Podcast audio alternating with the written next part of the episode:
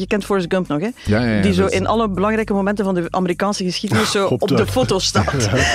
Wel, hij is de Forrest Gump van American War Crimes, maar het is degene die zo vanuit Hoekskant zeggen is van more bombs. We, we need Ja. more bombs.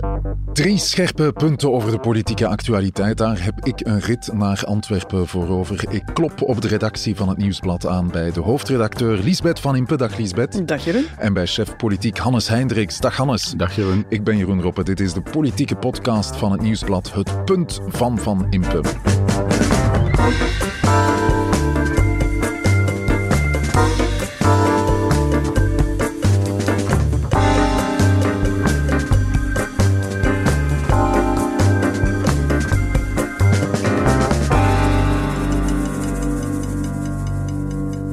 Hebben het eh, vandaag eh, natuurlijk over wat er in ons land allemaal speelt in de coulissen van de macht. Maar ik weet, Lisbeth, dat jij ook iets hebt met de Amerikaanse politiek. Daarom wou ik je toch iets vragen over Henry Kissinger. Henry Kissinger, dat is een van die mensen die mij mateloos fascineert. Hij is gestorven en dus eh, we gaan hem hier vandaag begraven. Ik heb trouwens versterking erbij geroepen, aangezien Kissinger nu echt wel van voor de tijd van Hannes is. En we dachten van...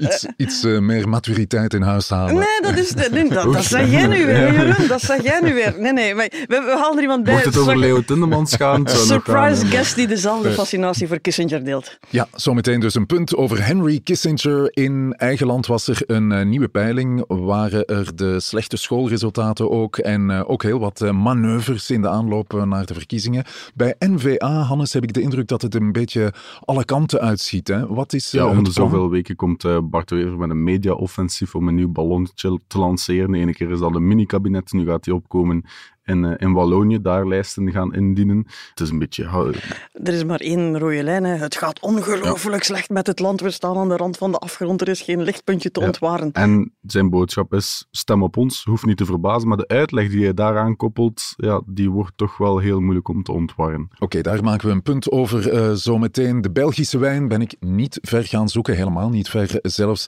Hij komt uit Antwerpen. Dat hebben we nog niet vaak gehad, denk ik. Het stad zelfs, want er zijn eh, niet alleen urban wineries in Brussel en in Luik, maar ook Antwerpen heeft zijn urban winery, een hele goede zelfs. Ik verwacht bijzonder veel van deze wijn. Ik heb er al heel veel over gehoord. Chansard heet die van de wijnfactorij uit eh, Antwerpen. Goed, op een eh, nieuw punt van Van Impenen. Ik wil vooral het debat in Wallonië een stukje beïnvloeden. Niemand brengt deze boodschap. Ik denk dat PS is nefast voor België. En deze boodschap Maar is- komt federalisme. Ja, ik denk dat de PS, eh, ook Wallonië moet bevrijd worden van de PS. Als je ziet, de Oostbloklanden, als die bevrijd waren van de Sovjets, wat een vooruitgang. Die zijn Wallonië los voorbij. Hè. Wallonië is een van de slechtst presterende regio's van Europa. Hoe komt dat? Door dat linksbestuur, dat PS-bestuur. Dat functioneert alleen door de derde betaler die Vlaanderen is. Bart de Wever eh, trekt naar Wallonië, hoorden we. Maar ik hoorde ook dat Georges-Louis Boucher, eh, de voorzitter van de Franstalige Liberalen, dat eh, die naar eh, Antwerpen trekt. Hij is hier eh, gesignaleerd. Ja, hij is er deze week geweest, inderdaad. Het is een beetje ook als reactie op eh, de, de campagne van de Wever, die dus zei dat hij in Wallonië gaat opkomen, kwam Georges-Louis Boucher hier op, eh, in, in Antwerpen voor het stadhuis staan met een campagne. Het zag er een beetje raar uit, zo een, een, een fietser. Een man op een fiets, heb je mij verteld. Ja. en Boucher heeft daar een man op een fiets gezet die dan eh, een bord moest voortslepen. Ja. Eh, ja, een campagne voor de MR. Dat vervolgens Boucher heeft proberen voor te lezen Ja. op een manier die in het Nederlands nog altijd niet te verstaan is. Het was iets van 50 tinten links, maar het klonk als... 50 tienen, ja, gewoon- zoiets. Hè. Ja, het is- Zijn lessen Nederlands, eh, ja, die zijn al vier jaar bezig. Eh ging Nederlands kunnen voor de verkiezingen, maar het zal nog Het even op zich niet laten vooruit. wachten. Nu, ik kwam op de redactie toe, want ik was gaan lesgeven vanmorgen. En Hannes zei van, ja, dus Boucher is in Antwerpen. Oh, wat? Boucher is in Antwerpen? Ehm, ja, en de Wever heeft gereageerd als Sinterklaas. Ik bedoel, Bart de Wever was Sinterklaas. de Wever wou niet reageren, maar kwam dan voor de camera's van, VTM, VTM, ja. verkleed als Sinterklaas, want er was in het stadhuis iets van Sinterklaas Ja. bezig, om te zeggen dat er toch één stout kindje in Antwerpen rondliep. Ik ga ervan uit dat dat dan dus Boucher is. maar dus, eh, het wordt steeds moeilijker om politiek samen te vatten, eerlijk gezegd, op een manier dat mensen het nog begrijpen. Ja, maar als ik het goed begrijp, dan eh, wil Bart de Wever met NVA-lijsten eh, voor de dag komen bij de verkiezingen in Wallonië. Dus dat ze in Wallonië ook voor Ja. de NVA kunnen stemmen. Zijn we dat nu eigenlijk zeker? Hij vindt dat een goed idee om eens te kijken of dat, dat eventueel zou kunnen om lijsten te maken in Wallonië. We zitten zes maanden voor de verkiezingen, zeven maanden voor de verkiezingen. Ja, dat krijgt doorgaans, nooit uh, klaargespeeld. Doorgaans ben je dan al wat verder gevorderd dan van hé, hey, we hebben een idee, dat is wel een toffe brainstorm. Uh, ik zag dan in het laatste nieuws onder andere, hadden ze dan uh, mensen opgelijst die zeiden van, wel, ik zou dat misschien wel willen doen. Ehm, er was nog wat werk aan. Zo van, ja, eigenlijk confederalisme, ik geloof daar niet in, maar ik vind Bart de Wever wel een toffe. Of uh, ja, uh, ik stem nu voor PvdA, maar een andere protest hebben ze ook wel goed zijn. Het waren nog geen gedroomde lijsttrekkers. Nee, het gaat ook niet in C over die kandidatenlijsten aan zich en al zeker niet over verkozenen halen in Wallonië, maar gewoon het thema confederalisme, uh, staatshervorming, dat eigenlijk in Wallonië op dit moment amper leeft het gaat daar totaal niet over daar. Uh, om dat thema gezet te krijgen uh, bij de Franstaligen. Da daar gaat het hem om, Maar dan nog, dat was meteen de reactie die vanuit de Franstalige media kwamen, die waarschijnlijk ongeveer iedere week bellen of dat Bart de Wever op hun uh, programma's, op hun platformen wil komen dat zitten. dat doet hij niet graag. Dat doet hij niet.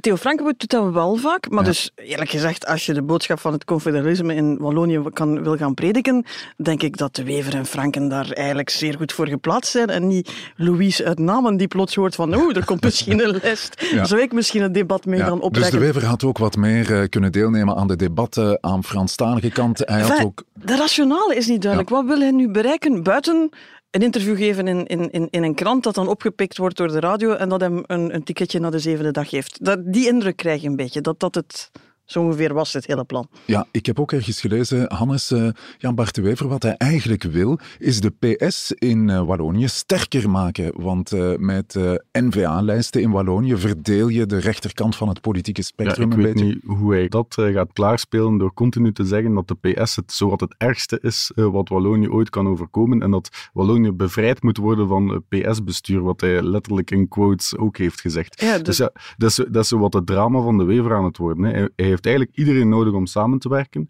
En hij kan het niet laten om iedereen in elk interview te schofferen. Als je het gewoon op een rijtje zet van welke partijen die allemaal schoffeert in, in, in interviews, het is, het is bijna niet bij te houden. CD&V en Open VLD heeft hij nodig voor zijn Kopje staatshervorming. kleiner, maar naast hem in het front. Ik bedoel, zonder kopje. Ja. Maar wel samen in het front. Ja, MR heeft hij eigenlijk ook nodig. Alleen een Sinterklaas-reactie waardig. Ja, Boucher, als ze Boucher mag zelfs niet langskomen op het stadhuis. En dan de PS, ja, dat is de baarlijke duivel eh, in zijn ogen. En dat zegt hij ook met zoveel woorden Maar hij heeft die nodig voor een staatshervorming die hij finaal eigenlijk niet wil, want hij wil geen staatshervormingen meer. Goed, maar eh, dat weten we natuurlijk, hè, dat eh, Bart de Wever niet de grootste bruggenbouwer is in het politieke landschap. Maar wat is eh, nu eigenlijk de strategie? Maar hij heeft wel de naam van een strateeg te zijn. We hebben het over de bocht van Brakke als het over de verkiezingen van 14 ging.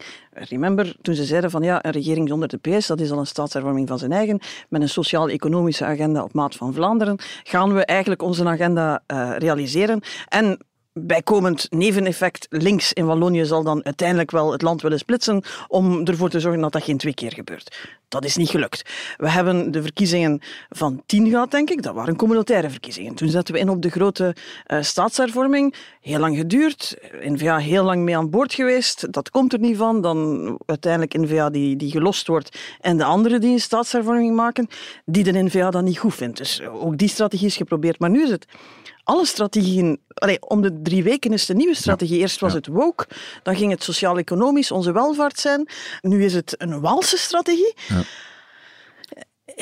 ik, ik, als ik Bart Wever op, op de zevende dag zat zitten zondag, dacht van, ja, het enige wat nog de constante is, is dat gitzwart beeld van waar het land staat.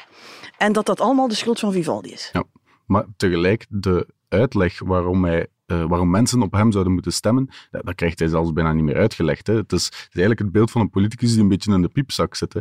Want nu is het ja, ja, je mag niet op Vlaams Belang stemmen, je moet op N-VA stemmen. Want als je op Vlaams Belang stemt, dan gaat er federaal een Vivaldi-coalitie, een tweede Vivaldi-coalitie Ja. gevormd worden tegen het Vlaams Belang.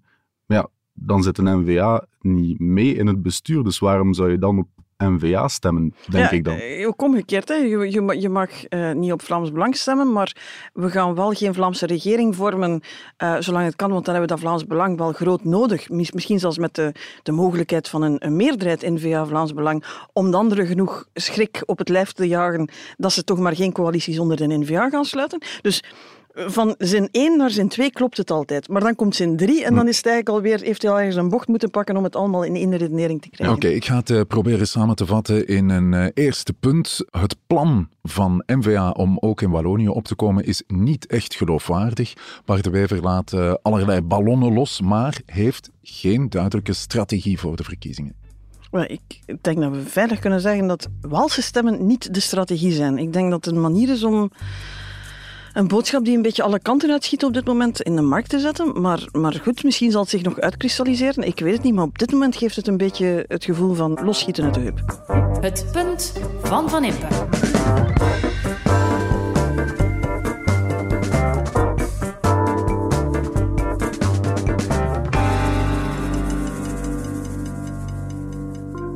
The president has sent me back to Paris to make one more major effort to conclude the negotiation. Henry Kissinger, op het moment dat hij een einde maakte aan de Vietnamoorlog, de man werd maar liefst 100 jaar. Hij was vooral bekend als minister van Buitenlandse Zaken van de Verenigde Staten.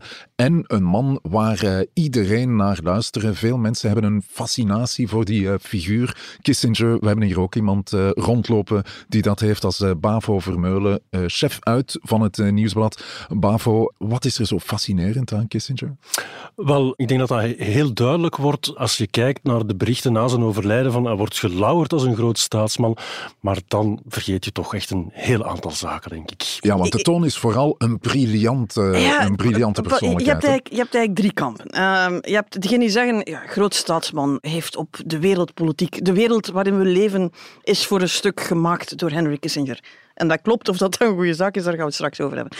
Dan heb je aan de andere kant de mensen die Kissinger hartsgrondig haten. Hoe dat wij ontdekt hebben van elkaar dat we altijd iets hebben met Kissinger is omdat we naar een podcast hadden geluisterd. Geen objectieve podcast, er zitten veel fouten in. Maar die heet Behind the Bastards. Lijst zo'n beetje, excusez-le de klootzakken uit de geschiedenis uh, op.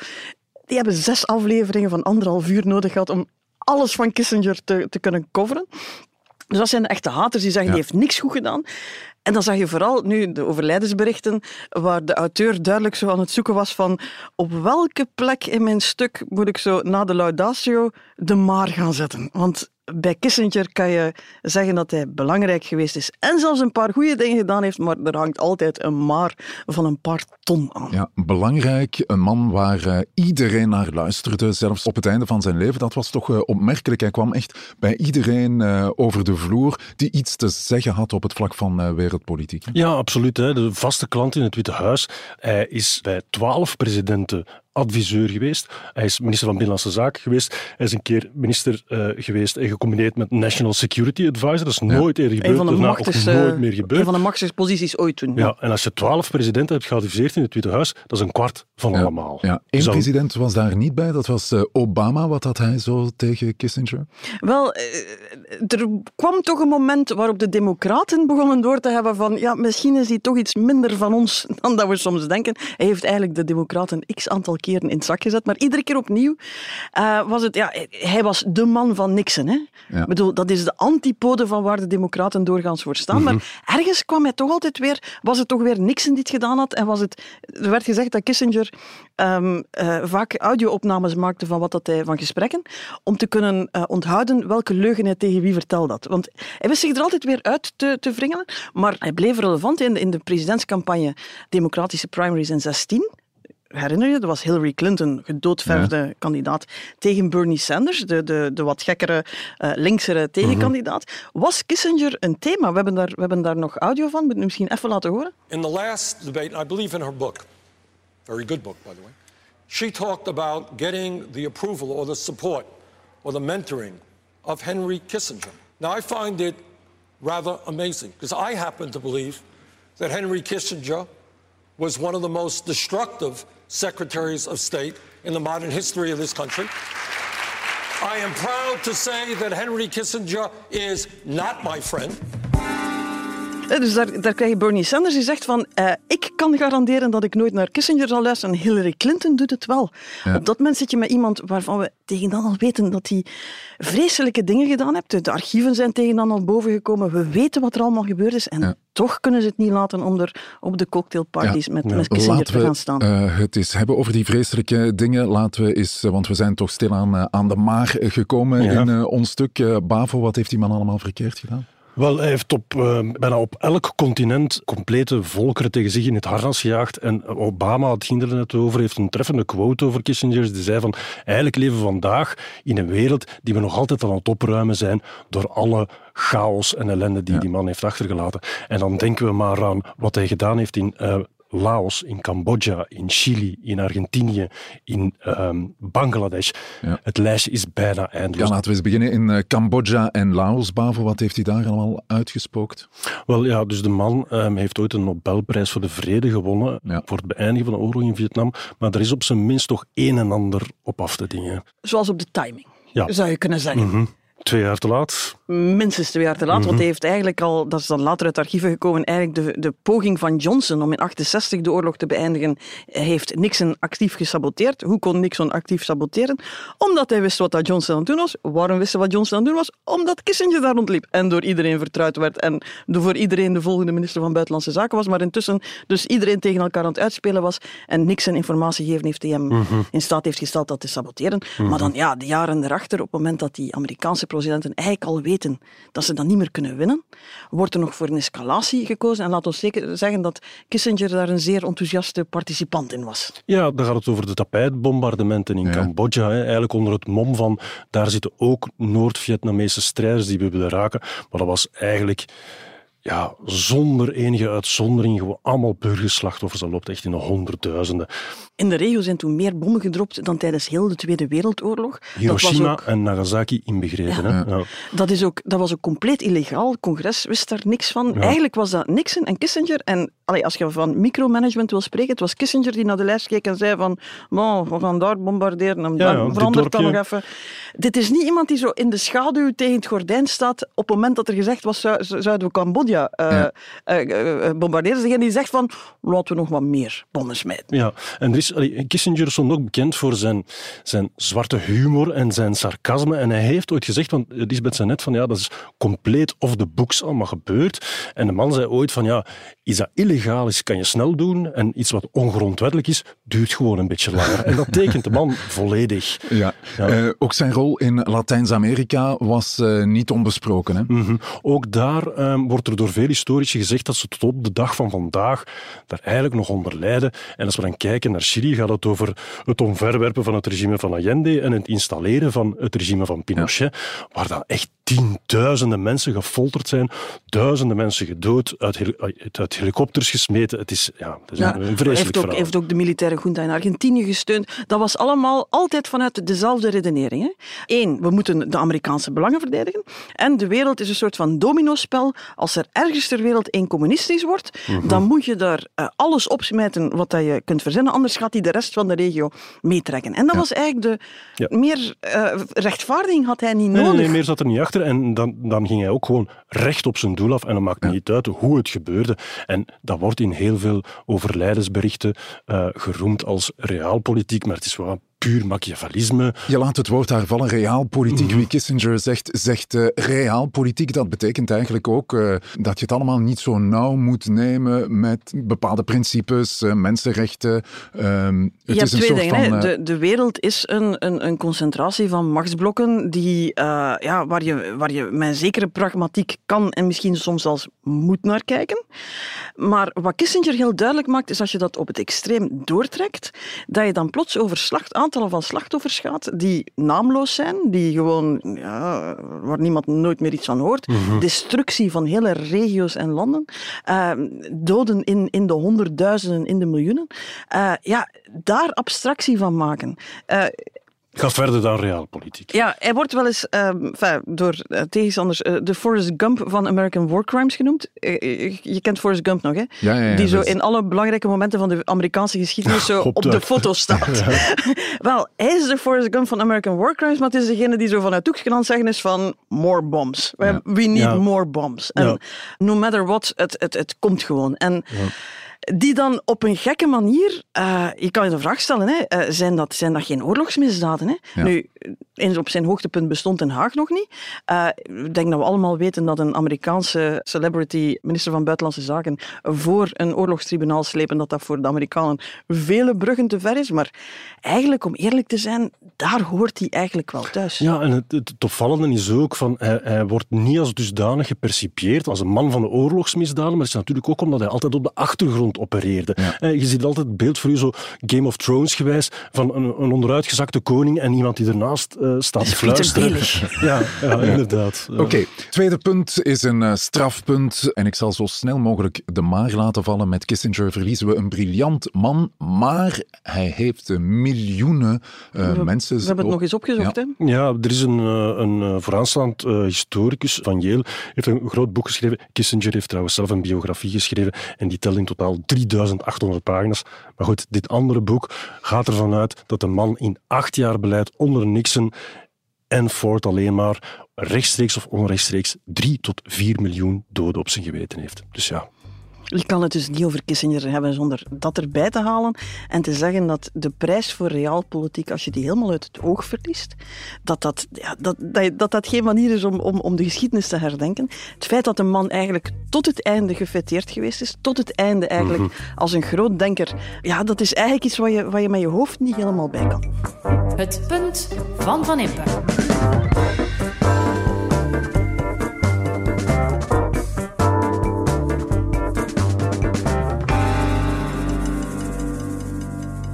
Dankjewel voor het punt over eh, Henry Kissinger. Zometeen een punt over de opiniepeiling van eh, Gazet van Antwerpen. Na de reclame. Zie jij ook die stijgende energiefacturen of die duurdere winkelkarretjes elke maand? Hoe navigeer je door al deze uitdagingen en hoe zorg je ervoor dat je er sterker uitkomt? Ik ben Chloe en dit is Geldwijs, de podcastreeks gepresenteerd door Krelan. In acht afleveringen maken wij je wegwijs in de wereld van beleggen en zorgen we ervoor dat ook jij geldwijs wordt. Dus zet je schrap voor de eerste aflevering en duik mee in de boeiende wereld van beleggen. Alle details vind je op krelan.be-geldwijs. Oké, bedankt eh, Bavo voor eh, dat eh, tweede punt. Bavo heeft intussen plaatsgeruimd voor Hannes. Hannes, is je beeld van Henry Kissinger nu helemaal veranderd? Goh, ehm, ja, ik wist er eerlijk gezegd niet superveel van, dus ik vond het eh, eh, super interessant. Ik denk dat er ook wel wat parallellen te maken zijn met huidige conflicten, zoals in Israël en Palestina bijvoorbeeld. Ja. Ja, en daarmee vergeleken valt het hier in de wedstraat. We spreken soms in termen van oorlogsmetaforen hier in de wedstraat, soms iets te veel, maar het valt al bij al nogal mee. Hè. Ja, het is Blijf- toch een ander, eh, een ander soort bodycount. Oké, terug naar eigen land dus. En de peiling waar eh, Gazet van Antwerpen mee uitpakte. Geweldig, hè? Ja, dat is uiteraard eh, niet de beste peiling voor ons. Ja, het ziet er goed uit voor de PvdA. We stijgen van een dikke 5% naar 8,5% in heel Vlaanderen. Werk aan de winkel, hè. natuurlijk eh, eh, geen goed resultaat. Wel tevreden om te zien dat onze strijdvaardige houding van de afgelopen maanden dat ook wel meer en meer mensen kan enthousiasmeren. We zouden graag die 3% die we achteruit gaan nog ophalen. Ja, na een lastige periode zie ik dat we een stevige basis hebben opgebouwd. De voorzitters van de Vlaamse partijen reageren op de jongste peiling van Gazet van Antwerpen. Opvallend sterke score voor Vlaams Belang. N-VA verliest, maar blijft stevig op 2. CD&V zet zijn voorzichtige remonte voort. PVDA bevestigt. En Groen en Open VLD krijgen rake klappen vooruit. Verliest eh, 2% en staat op 3. Was dat eh, de grootste verrassing voor jou, Hannes? Ehm, goh, Het was er wel naar uitkijken, hè? wat gaan ze nu ja, doen? inderdaad. En het is de eerste Ja, want het peiling. was de eerste na het Ja, ontslag na de van eh, voorzitterswissel tegelijk. mo- allee, we, we moeten dat wel zeggen, zo'n peiling moet je altijd met een, een korreltje zout nemen. Hè. Er is een, gro- een redelijk grote foutenmarge eh, van 3%. Eh, en je kan dat ook nooit zomaar één op één toeschrijven. Maar inderdaad, Ja, dit was de eerste peiling na, na het vertrek van Conor Rousseau. Melissa de Prater, we hoorden ze in het, in het fragment, is een nieuwe voorzitter. En ja, ze halen gewoon een lagere score in deze peiling dan in andere peilingen. Uh, het is nog steeds hoger dan een verkiezingsresultaat, maar bon, ze nemen wel een duikje. In die zin, we wisten echt niet welke richting het zou uitgaan. Je ging ervan uit dat ze zouden inleveren, maar ja, aangezien de, de, de remonte van vooruit zo hard gelinkt leek aan de persoon van Conor Rousseau.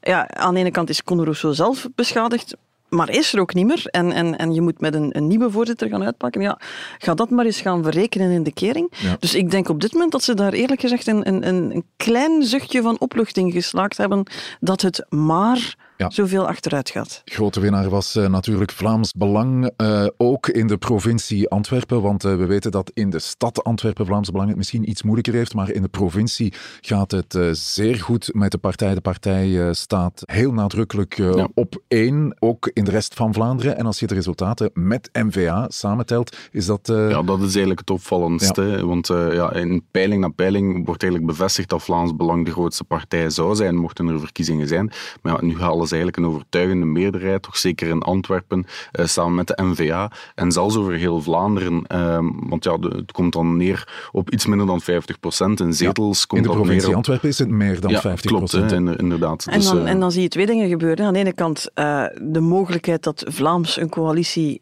NVA, Vlaams Belang, een meerderheid zou kunnen halen.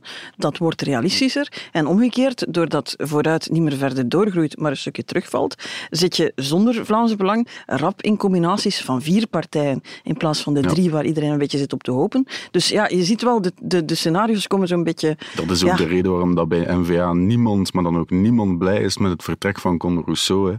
Uh, dus ja, de, ze, ze, hadden een alternatief voor die Vlaamse regering, eigenlijk een overduidelijk alternatief met, met vooruit erbij. Um, en, en, nu, vooruit het, nu is het valt, puzzelen, valt terug en ze halen dan plots een meerderheid samen met Vlaams Belang. Dus ja, waardoor elke journalist de vraag gaat stellen, ja, gaan jullie met Vlaams Belang regeren of niet?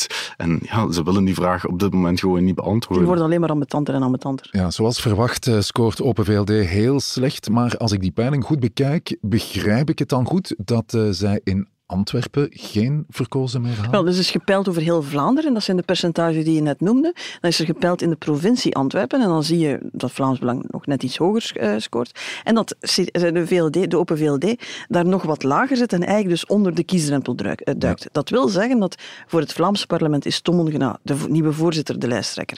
Voor de Kamer is Paul van Tichelt, de nieuwe minister, de minister van Justitie, ja. binnengehaald als nieuw vers bloed. Dat daar moet een beetje ja, de, de, de, de boel wat opschudden ja, dat die op dit moment niet zouden verkozen zijn. En dat is natuurlijk ja, dat is, dat is bijzonder pijnlijk. Oké, als we dan toch een laatste punt maken. Het was de eerste peiling sinds het ontslag van Conor Rousseau als voorzitter van uh, Vooruit. En uh, Vooruit verliest toch 2% in die uh, peiling. En daar is ook de NVA niet blij mee. Ja, inderdaad. Hè. En ze doen een terugval en Vlaams Belang uh, haalt een hele hoge score. Uh, dus ja, het is nu kijken naar NVA. Uh, ehm, de, de gedroomde coalitiepartner vooruit valt terug. En de minder gedroomde coalitiepartner Vlaams Belang stijgt. En je mag hele zakken zout aanslepen uh, om te zeggen dat, het, ja, dat dit nog geen verkiezingsresultaat is, dat hier foutenmarges op zitten. Het wordt alleen maar duidelijker dat die puzzel voor na de verkiezingen alleen maar moeilijker wordt. Oké, okay, dankjewel voor de punten. Um, Hannes en Liesbeth, ik krijg wel eens de vraag waarom dat uh, Hannes niet meer aan bod komt na het laatste punt als we het uh, over de wijn hebben. Maar dat komt omdat Hannes nooit mee uh, drinkt met ons, voor alle duidelijkheid. dus ja, Hannes... ik ben geheel onthouden. Nee, nee, dat is... yeah, right. nee, dat is ook weer niet waar. Maar nee, dus de wijn wordt enkel geproefd door Liesbeth en mij en ook goedgekeurd in dit geval. En door de productie. Hè? Bedoel, die zitten niet in beeld, maar uh, ja. die doen toch ook altijd vrolijk mee. Ja, en ik zie dat hij ook uh, heel enthousiast is over deze chansaar van de wijnfactorij. Een rode chansaar hebben gedronken, een blend van uh, verschillende druiven die in heel het land eigenlijk worden gehaald door de Urban Winery in Antwerpen. Dus uit Limburg, Antwerpen, Brabant, een beetje overal. Alles met de hand en zo natuurlijk mogelijk tot stand gebracht. En ik vind hem redelijk spectaculair, als ik uh, eerlijk mag zijn. Dankjewel, ik ben ermee weg. Tot het volgende punt van Van Impe. Dit was het punt van Van Impe, een podcast van het Nieuwsblad. Je hoorde de stemmen van hoofdredacteur Lisbeth Van Impe, van Hannes Hendricks, van Pavo Vermeulen en van mezelf, Jeroen Roppe. Dank aan de VRT voor de audioquotes, aan Pieter Schevers voor de muziek en aan Pieter Santens van House of Media voor de montage. De productie was in handen van Bert Heijvaart. Tot het volgende punt van Van Impe. Thank you.